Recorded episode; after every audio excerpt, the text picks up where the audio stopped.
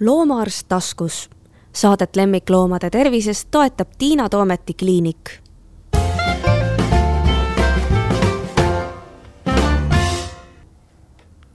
tere, kuulate järjekordset äh, saadet Loomaarst taskus ja minu vastas istub äh, meie president, mitte küll Eesti Vabariigi president, aga Eesti Loomaarstide president Madis Levits, tere tere, tere, et eh, jah, tõesti Eesti Loomaarstide Ühingu president, aga ega ju Eesti lo-, päris president on ka loomaarsti haridusega. jaa, see on tore, et meil on kohe kaks loomaarstist presidenti. aga põhjus, miks ma sind olen siia kutsunud, on eh, selline, et ähm, kaks ühingut, mis on siin nüüd kusagil kahekümne aasta ringi koos eksisteerinud loomaarstide põllul, ehk siis Eesti Loomaarstide Ühing ja Eesti Väikeloomaarstide Selts on ühinenud ja äh, sellest, äh, miks, kuidas ähm, tahaks natuke rääkida. Minul on selline halb komme, ma ei tea, kui sa oled mu podcast'e kuulanud, et siis ma tahan ise ka hirmsasti rääkida. Ja siis ma räägiks alguses natuke seda ajaloo juttu lihtsalt sellepärast, et ma lugesin ühingu kodulehelt äh, ilusti ära, mis on siis äh, loomaarstide ühingu kohta öeldud, et on loodud aastal tuhat üheksasada kakskümmend ja siis oli tema nimi Eesti Loomaarstide Selts, kahekümne seitsmendal aastal muudeti ühinguks ja neljakümnendal tegevus lõpetati ja jätkas tegevust eksiilis siis Rootsis. Aga seda, mida mina tean, kuna ma olen nii vana inimene, seal teil kirjas ei olnud, et tegelikult nõukogude ajal käisid ka loomaarstid koos. Aga ma ei mäleta, mis, see oli mingi väga imeliku nimega, meie, meie nimetasime seda pika nimega ühing. Et meil on jälle pika nimega ühingu üritus või mingi koosviibimine, aga see oli mingisugune ma ei mäleta tõesti, kas mingi inseneride maja all mingisugune, igatahes see oli mingi väga-väga veider ühing, aga see päris hästi ühendas meid, on sa, oled sa kuulnud sellest midagi?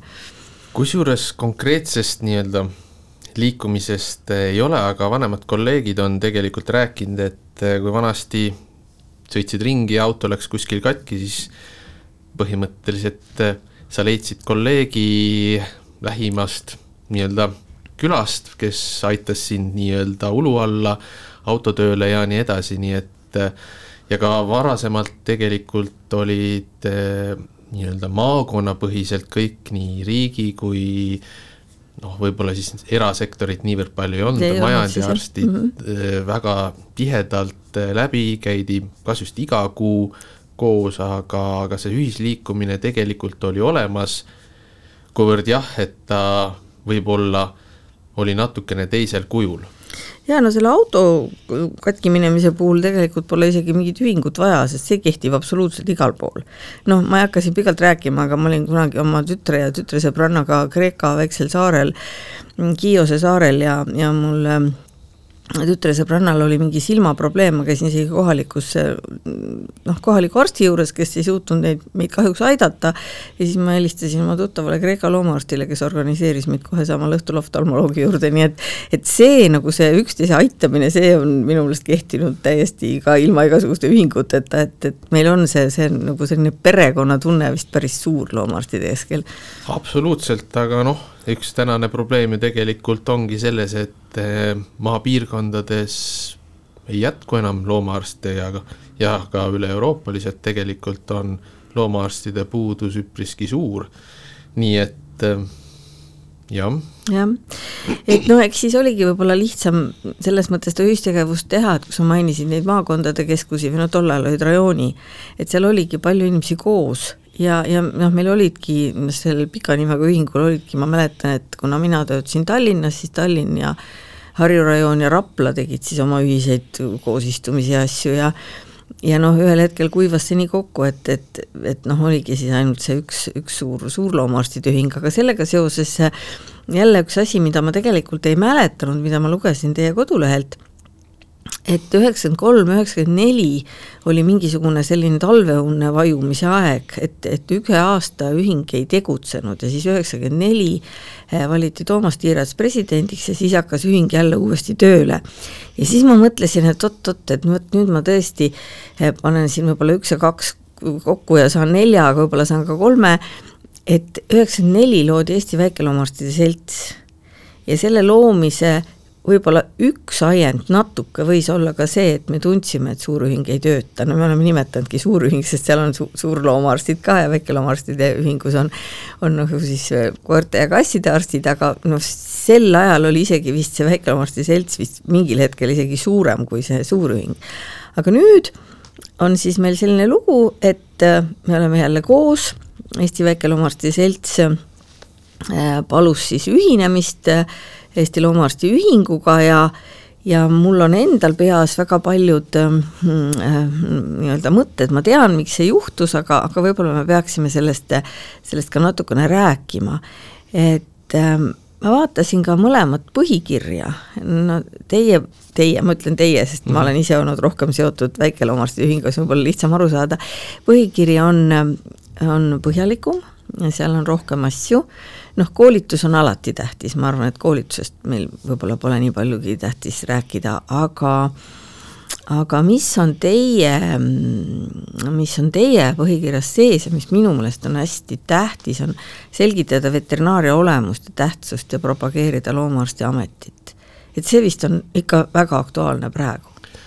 jaa, et äh tegelikult on see ka kahe osaga, et kui me vaatame täna loomaarstiks õppijate soo-, või soovi mm, -hmm. mis on Maaülikoolis üks kõrgematest erialadest, üle üheksa, nii et üheksa kohale? üle üheksa kohale, et äh, raske, et kui mina mm -hmm. astusin kaks tuhat neli, siis oli äkki neli või midagi mm, -hmm. aga, aga, aga ja, ja kui me vaatame ka täna, et äh, on ju telesaateid olnud äh, inimesed tegelikult nagu on oluliselt rohkem nii-öelda huvitatud sellest looma tervisest, looma heaolust, eh, nii et eh, selles osas propageerimine kindlasti, aga võib-olla jah, see, et mida see, mis see loomaarsti siis nii-öelda roll on ja pädevus ja, ja kes siis ikkagi päeva lõpuks on see kõige pa parem isik, kes siis võib-olla teinekord suudab natuke oma, oma emotsioone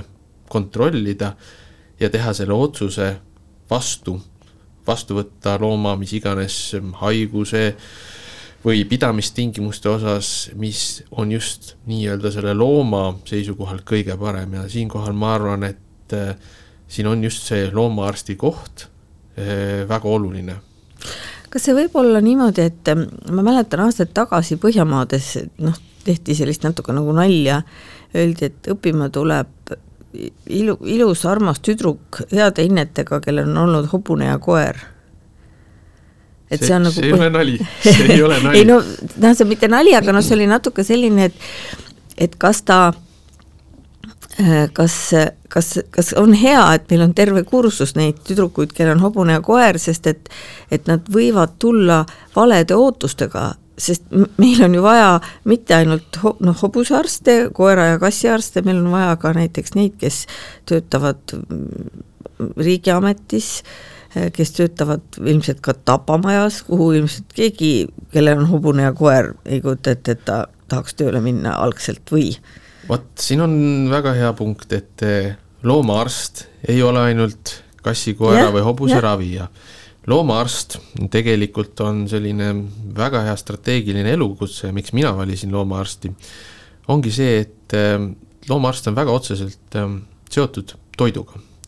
on see siis loomne toit, mida me aitame kasvatada, hoiame need loomad terveks, et saaks piima, liha ja kõike muud e, ega haigelt loomalt just seda produktsiooni ei saa, nii et ja, ja et see produkt, mis, mis me saame farmist, oleks ka nii-öelda ohutu ja teisest küljest riigisektoris ju toiduohutuse kontroll, mitte ainult mm -hmm. ähm, siis ähm, loomse, vaid ka taimse eh, eh, lasub just loomaarstidel, ehk siis juba sinu poolt nimetatud tapamajad ja muud asjad ka piiri peal ähm,, ega siis ju me teame, et kui suur osa tegelikult ähm, seda toitu, mida me tarbime siin, tuuakse ju tegelikult väljaspoolt Eestit või lausa kolmandatest riikidest ja ka see, et see vastaks vastavatele kvaliteedinõuetele, suures osas äh, selle tagajateks on loomaarsti haridusega inimesed.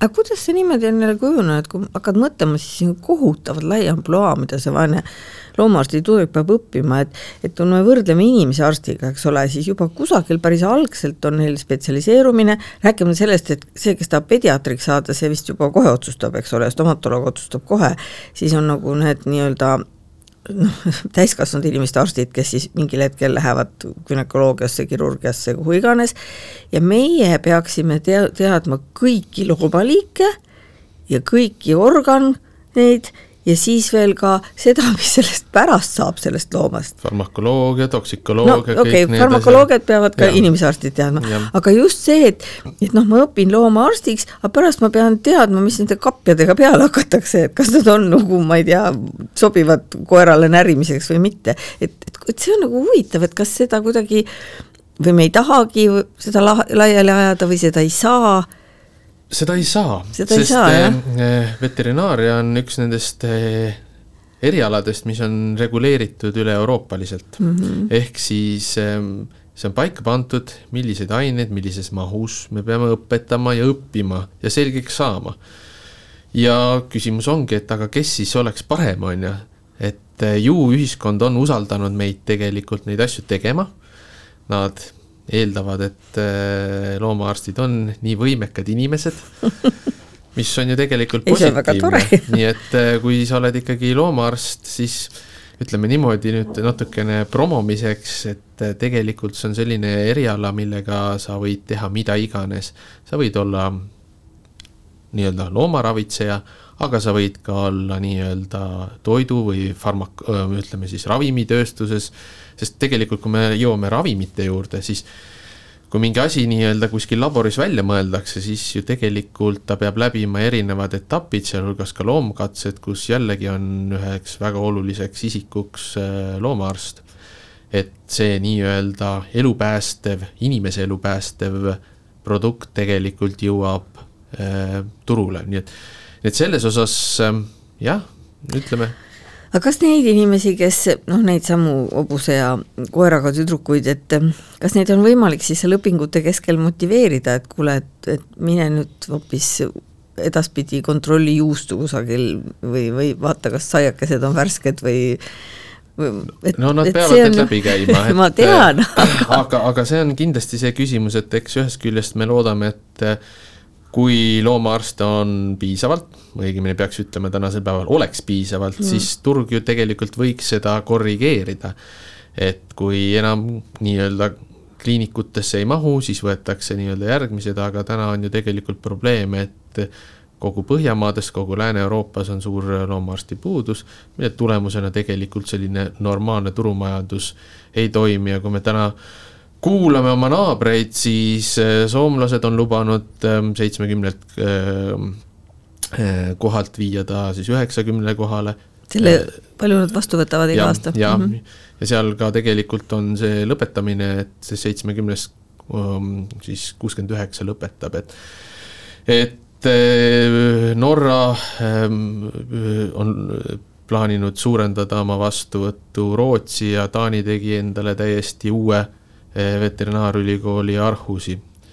Eh, nii et eh, selles mõttes on näha, et vajadus on sellise laia ampluaaga inimeste suhtes ja just ennekõike sellele, et, et see toidu tootmine ja, ja oleks, oleks jätkusuutlik. nojah, ja kui tung ka on, kui sa ütled, et üle üheksa kohale, siis siis tegelikult on ju võib-olla tõesti mõistlik neid ähm, vastuvõtunumbreid suurendada, aga, aga noh, see muidugi kui nüüd tagasi minna, me hakkasime ühingust rääkima, nüüd me läksime, jõudsime veterinaaria tuleviku ja hariduse juurde, et, et ega see lihtne ei ole ühendada siis inimesi, kes, eks ole, üks töötab kiisuga ja kutsuga ja teine töötab hobusega ja kolmas töötab lammastega ja neljas kontrollib juustu ja viies vaatab mingisuguseid jahutooteid kusagil, et, et nende huvide kuidagi kõiki nende huvide eest seista, et aru saada, mis need nende huvid üldse on huvid ja isiksused, et see on mm -hmm. alati, kuidas nüüd öelda, võime kohe minna esimese asjana sinna Eesti vanasõna juurde, et noh, mis on kõige parem toit ja, vist ja. ei ole nii-öelda seapraed, vaid on ikkagi teine eestlane, on ju. aga tõesti, et me peame aru saama, et nendel ühisliikumistel on nad siis ühingud, seltsid või muud asjad, mis siis antud juhul on mittetulundusühingu vormis, nende eesmärk ei ole niivõrd palju üksikindiviidi nii-öelda soove, tahtmisi täita, vaid ennekõike on vaadata natukene üldisemalt, koondada neid erinevaid arvamusi, seisukohti ja leida selline konsensus, kesktee, millega siis äh, olla ühiskonnas paremini pildil, seda eriala äh,, kogu valdkonda arendada ja liikuda edasi, et, et, et ähm, ja see on tegelikult keeruline, aga siin peabki nagu aru saama, et et iga liige, et see ei ole ilmtingimata ühe isiku kasu saamisel toimiv ähm, mm. liikumine no mina olen siin, esindan praegu enda konkreetseid seisukohti ja ma kohe küsin, et kuidas sulle tundub, et kas, kas minu selja taha koguneks veel inimesi, et et üks asi, mis on minu meelest tohutult tähtis ja see on siin põhikirjas olemas ka, on siis see osaleda Vabariigi Veterinaarteenistuse väljakujundamisel. ja, ja oota, siin oli üks punkt, oli minu meelest veel, olla loomaarstide kutsehuvide kaitseks et, et kui meil siin eelmine aasta, noh ei hakka nüüd siin kuulajad piinama meie eriala üksikasjadega, aga aga tulid seadusemuudatused, noh, mis reaaloomaarstile kukkusid pähe nagu ikkagi selline suuremat sorti jahukott, millest ta mitte midagi ei näinud selle jahupilve seest, siis see on ju küll nüüd, ma arvan, see koht, kus ühing saaks juba koos riiklike struktuuridega võtta natukene seda seisukohta, et oot-oot-oot, et ärge nüüd kiusake meie loomaarste, et nendel on elu niigi raske, et katsume neil ikka selle elu lihtsamaks teha. Ma olen sellega absoluutselt nõus, et mida aasta edasi, seda, kuidas nüüd öelda, rohkem kulub aega sinise ekraani paberite mm -hmm. täitmiseks kui äh, loomade ravimiseks ja see tegelikult äh, põhjustab nendel nii-öelda äsja lõpetanud looma, noortel loomaarstidel suurt nii-öelda stressi. vanal inimesel pole ka üldse kerge ümber harjuda, ära üldse mõtlegi aga siin ongi natukene selline olukord, kus noh, tegemist on ju eh, vähemalt eh, võiks olla isereguleeriva erialaga, kus siis tegelikult loomaarstid ise oskavad kõige paremini öelda, mis on täna see õige. Eh, arvestades siis aja, ajad muutuvad, see, mis oli kümme aastat tagasi nii-öelda oluline, võib-olla täna enam ei päde, ajad muutuvad, võimalused muutuvad, aga põhimõtteliselt meil on ähm, selline Põhja-Euroopa mudel, kus tegelikult äh, suurem osa kujundamisest siis nagu selle tuleviku seadusandluse ja, ja kogu selle kujundamisest. meid küll kaasatakse ja me mm -hmm. üritame, aga kujundatakse ikkagi ennekõike ametkonnana sei-, kuidas nüüd öelda, seisukohtadest lähtuvalt ja, ja need, kes on nii EVS-i kui Loomaarstide Ühingu EVS on väikeloomaarsti selts, mida enam ei ole. Jah, et on olnud äh, ja üritanud kaasa rääkida, siis äh, ega sinna selle sõna ja õige klausli saamine on raske, et võib-olla siin on vaja vaadata tagasi või Lääne-Euroopa poole, kus need erialaühendused on siis ähm, ähm, siht või ähm, selle. Neil on nagu suurem sõnaõigus siis seadusandluse. Mm -hmm. jah, et kodadena, koda on siis avalik õigus, juriidiline isik, kellel on oma seadus, kellel on võima-, võimekus paremini olla, esindada ja, ja, ja, ja tegelikult äh, olla ka siis nii-öelda oluliselt karmim vajadusel, sest ütleme, seadused üldjoontes annavad ju sellised ähm, miinimumstandardid. ehk siis alla selle ei tohiks nagu midagi teha, on ju. Mhm. aga see ei ole võib-olla tänasel päeval enam üldsegi, kuidas nüüd öelda, good practice või hea praktika, nii et äh, siinkohal tegelikult Äh, ja üks asi, mis põhjus, miks tegelikult äh, need kaks organisatsiooni seljad kokku panid, noh, lisaks sellele, et meid on vähe mm, -hmm. see aitab paremini reorganiseerida administratiivset koormust ja niikuinii me tegime asju praktiliselt kogu aeg mm -hmm. koos, on need konverentsid, muud asjad eh, seaduseelnõudes kaasamises osalemine, siis eh, paljud ju kolleegid kogu aeg ütlevad, aga miks, me oleme ju üks, on ju. Mhm. nii et selles osas on hästi, aga, aga see pikem tulevik ja pikem perspektiiv tegelikult võikski olla, et loomaarstide ühing võiks olla selline kojaline liikumine oma seadusega ja võtta osad riigi funktsioonid ise üle ja siis organiseerida seda loomaarstide liikumist paremini, näiteks tegelikult üks suur teema on koolitused, jah, me korraldame koolitusi ja paljud loomaarstid käivad äh, väga tublisti koolitustel aga on ka tegelikult täiesti suur seltskond, sest loomaarste, kes, keda me võib-olla ei näe üldse koolitustel või me ei tea nende olemasolust. ja miski ei takista neil praktiseerimast, ehkki nad on juba ajast maha jäänud. meil on mm. eluaegne litsents ja mm., ja, ja see on ka otsene asi, mis tegelikult mõjutab seda ravikvaliteeti, looma heaolu, kliendi rahulolu, sest ega ju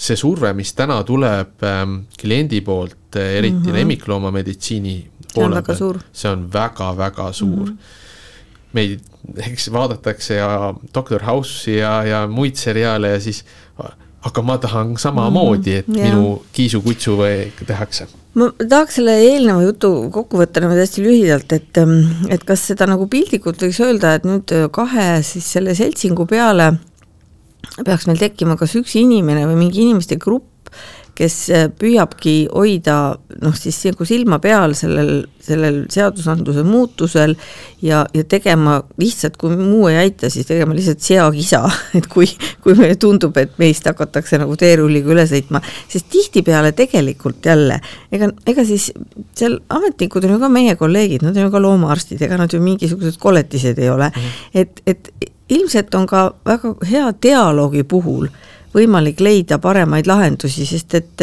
et nemad ju ka ei pruugi alati teada, mis põllul töötaval loomaarstil vaja on, eks ole ju. jaa, siin on mitu punkti, mida tahaks kohe markeerida, et et paljud seadusemuutused tegelikult tulevad või hakatakse tegelema nendega väga viimasel hetkel, ehk siis nagu viimane veterinaarseadus oli, et sellega hakati tegelema kuus kuud ennem rakendumist. Ehk siis kuna see tuli Euroopa Liidu poolt, eh, tuli Eesti veterinaarkorraldusseadus ümber vormistada, kaasajastada ja selle kuue kuuga, seal on kõik Riigikogu protseduurid, kaasamised mm, ja nii edasi, ehk siis mm -hmm. tegelikult eh, kooskõlastamiseks tihti saadetakse keset jõulu kolm päeva või seitse mm. päeva eh, pühade ajal.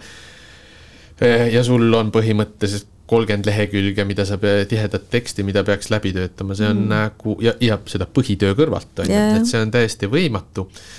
ja, ja, ja siinkohal tegelikult äh, tulekski nagu vaadata, et see kaasamine oleks nagu palju sisukam, anda, anda ka aega ja, ja, ja, ja võtta arvesse neid seisukohtasid.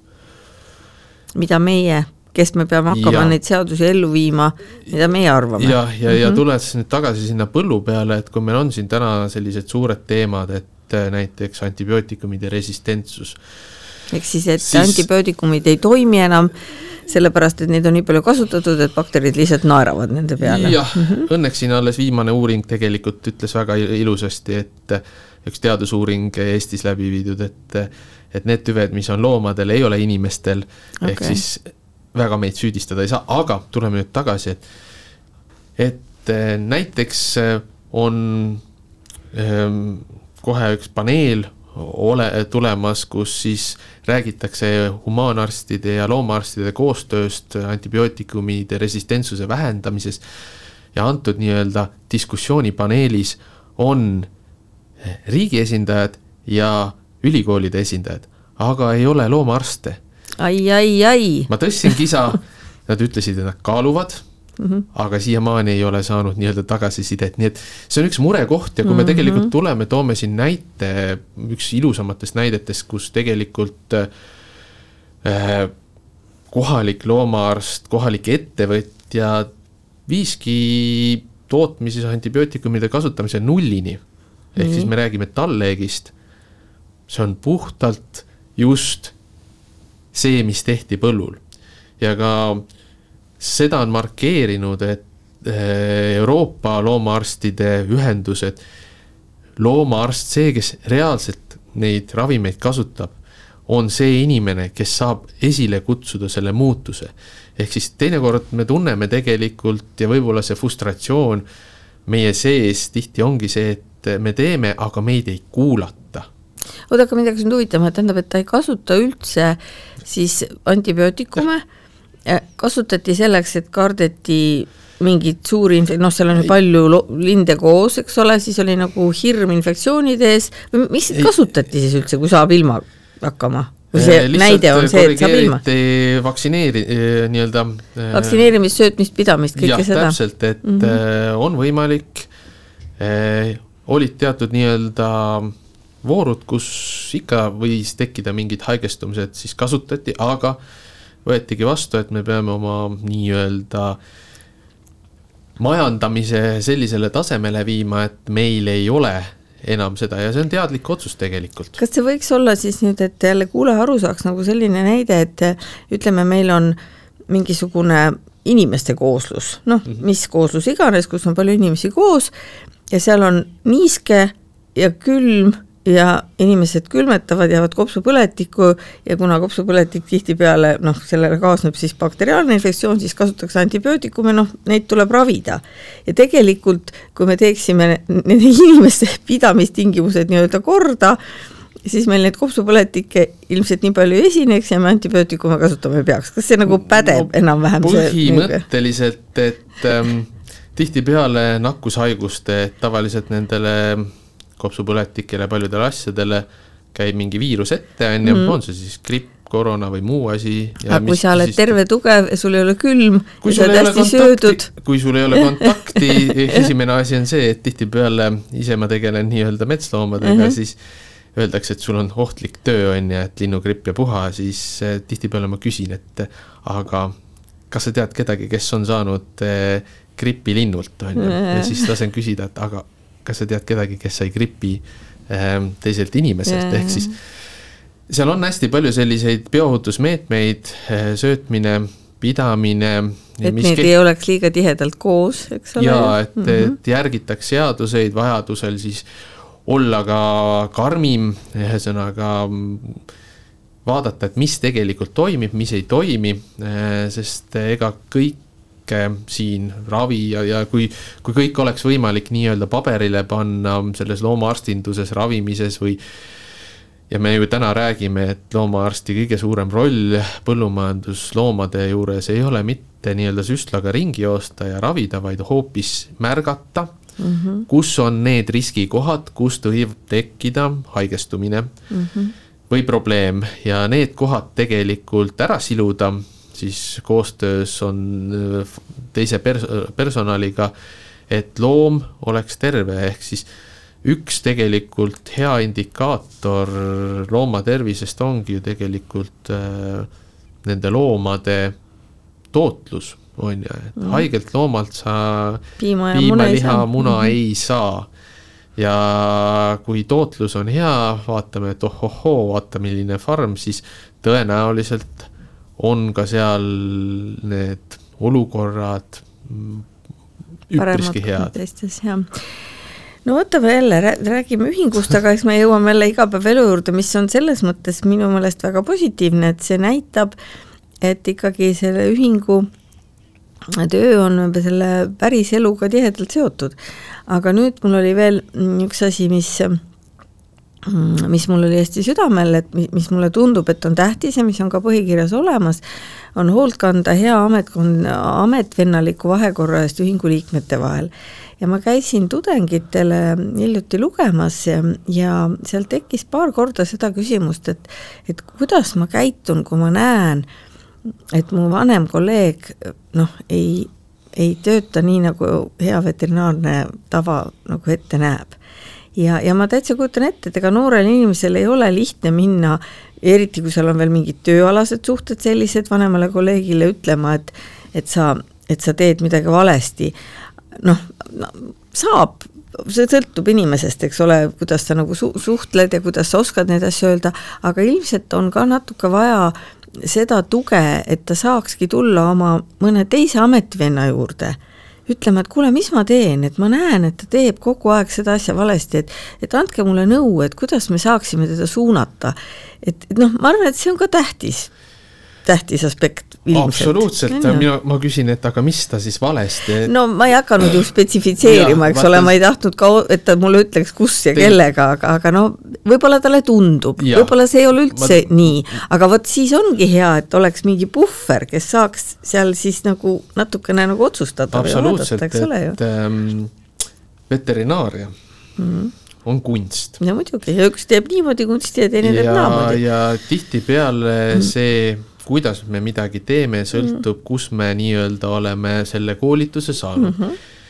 ja see ei tähenda, et äh, ilmtingimata, kui vanem kolleeg või noorem kolleeg, see käib ju tegelikult mõlemat absoluutselt, ma olen täitsa nõus. Äh, ta, ta toimetab valesti mm, -hmm. et äh, noh, kindlasti peaks olema konkreetne juhtum all, kui konkreetne juhtum on all, siis tegelikult äh, noh, tänase seaduse järgi eh, teenuse kvaliteeti hindab äh, riik. jah, Põllumajandus-Toiduamet, no aga sa ei lähe kaebama esimese asjana oma kolleegi peale. aga, aga selline seletamine just nii-öelda mentorluse ja, mõte, vaat see on ja. hästi oluline, et, et eh, saada nii-öelda seda arusaama mm -hmm. ja, ja mina ütleks esimene asi, aga küsi mm, -hmm. miks sa teed niimoodi mm. -hmm võib-olla ja seda me näeme tegelikult väga tihti.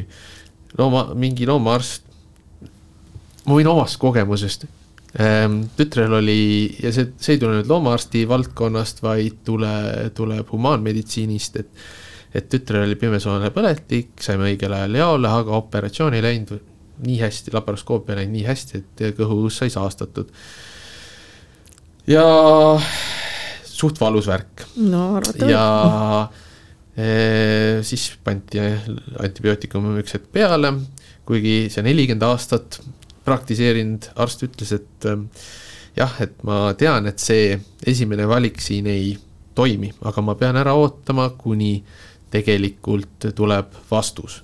labori vastus. labori vastus mm -hmm. ja tegelikult äh, ütleme niimoodi, see ongi õige, on ju, et mhm. meil on olemas me... mm -hmm. see, kuigi me teame tihtipeale, et see järgmine antibiootikum toimiks paremini. ei, see toimikski, on ju. Mhm. et, et, et ja samal ajal ütleme niimoodi, et äh, kõrvaltvaataja, kui sa läheksid selle teise valikuga peale, ütleb, et sa teed valesti, on ju.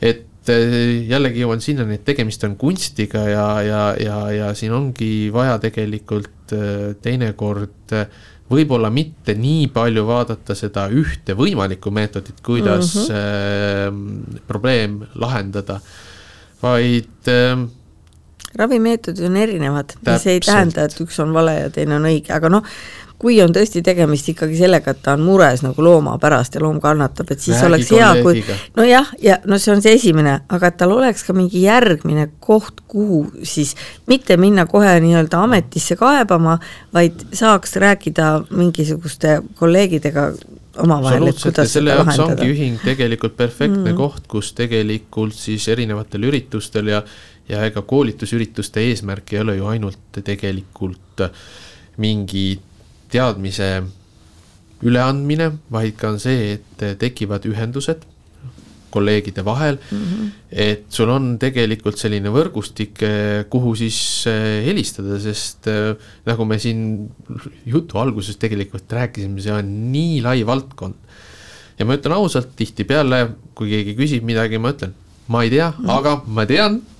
Keda keegi teab, jah, see on kõige tähtsam. ja mm -hmm. siis ongi see, et eh, tihtipeale võtad kõne, helistad, räägid, näe, selline, selline asi, kas sa saad siis edasi suunata või sa saad juba selle nii-öelda lahenduse sealt kätte, mida siis oma kliendile pakkuda, nii et, nii et see tegelikult äh, rääkimine äh, otse, kui on mingisugune murekoht, mis on tegelikult teinekord üpriski keeruline, eriti täna, kus suurem osa loomaarste ikkagi juba liigub kuidas nüüd öelda, suurtesse kollektiividesse mm -hmm.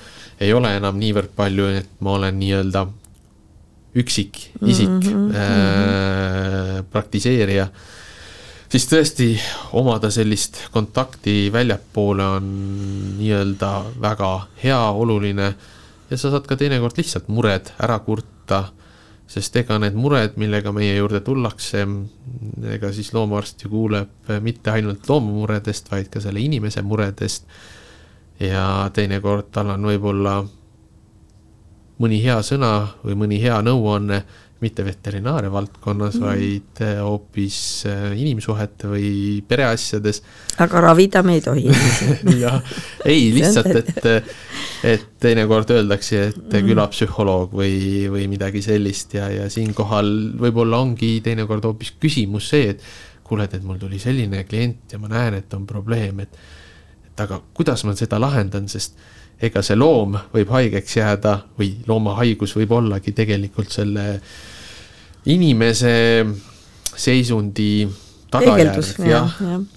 no ma arvan, et siia sobiks öelda hästi äh,, see ei ole küll kolleeg Priit Koppeli enda lause, ta on selle kusagilt võtnud, ma praegu autorit ausalt öeldes ei tea, võib-olla sina tead, aga aga tema on pannud vist oma kodulehele kuskil selle slogani, et inimese arst ravib inimest ja loomaarst ravib siis ühiskonda, nii et, et see võib-olla võtab selle meie jutu kokku ja ja, ja mina tahaksin võib-olla kokkuvõttes öelda seda, et me oleme jõudnud minu meelest nagu kõige tähtsama asjani, miks ka ikkagi minu arvates meil seda sellist ühis, ühingut, seltsi, mis ta iganes siis on, võib-olla koda tulevikus vaja on, et ikkagi see, et meil oleks omavaheline side.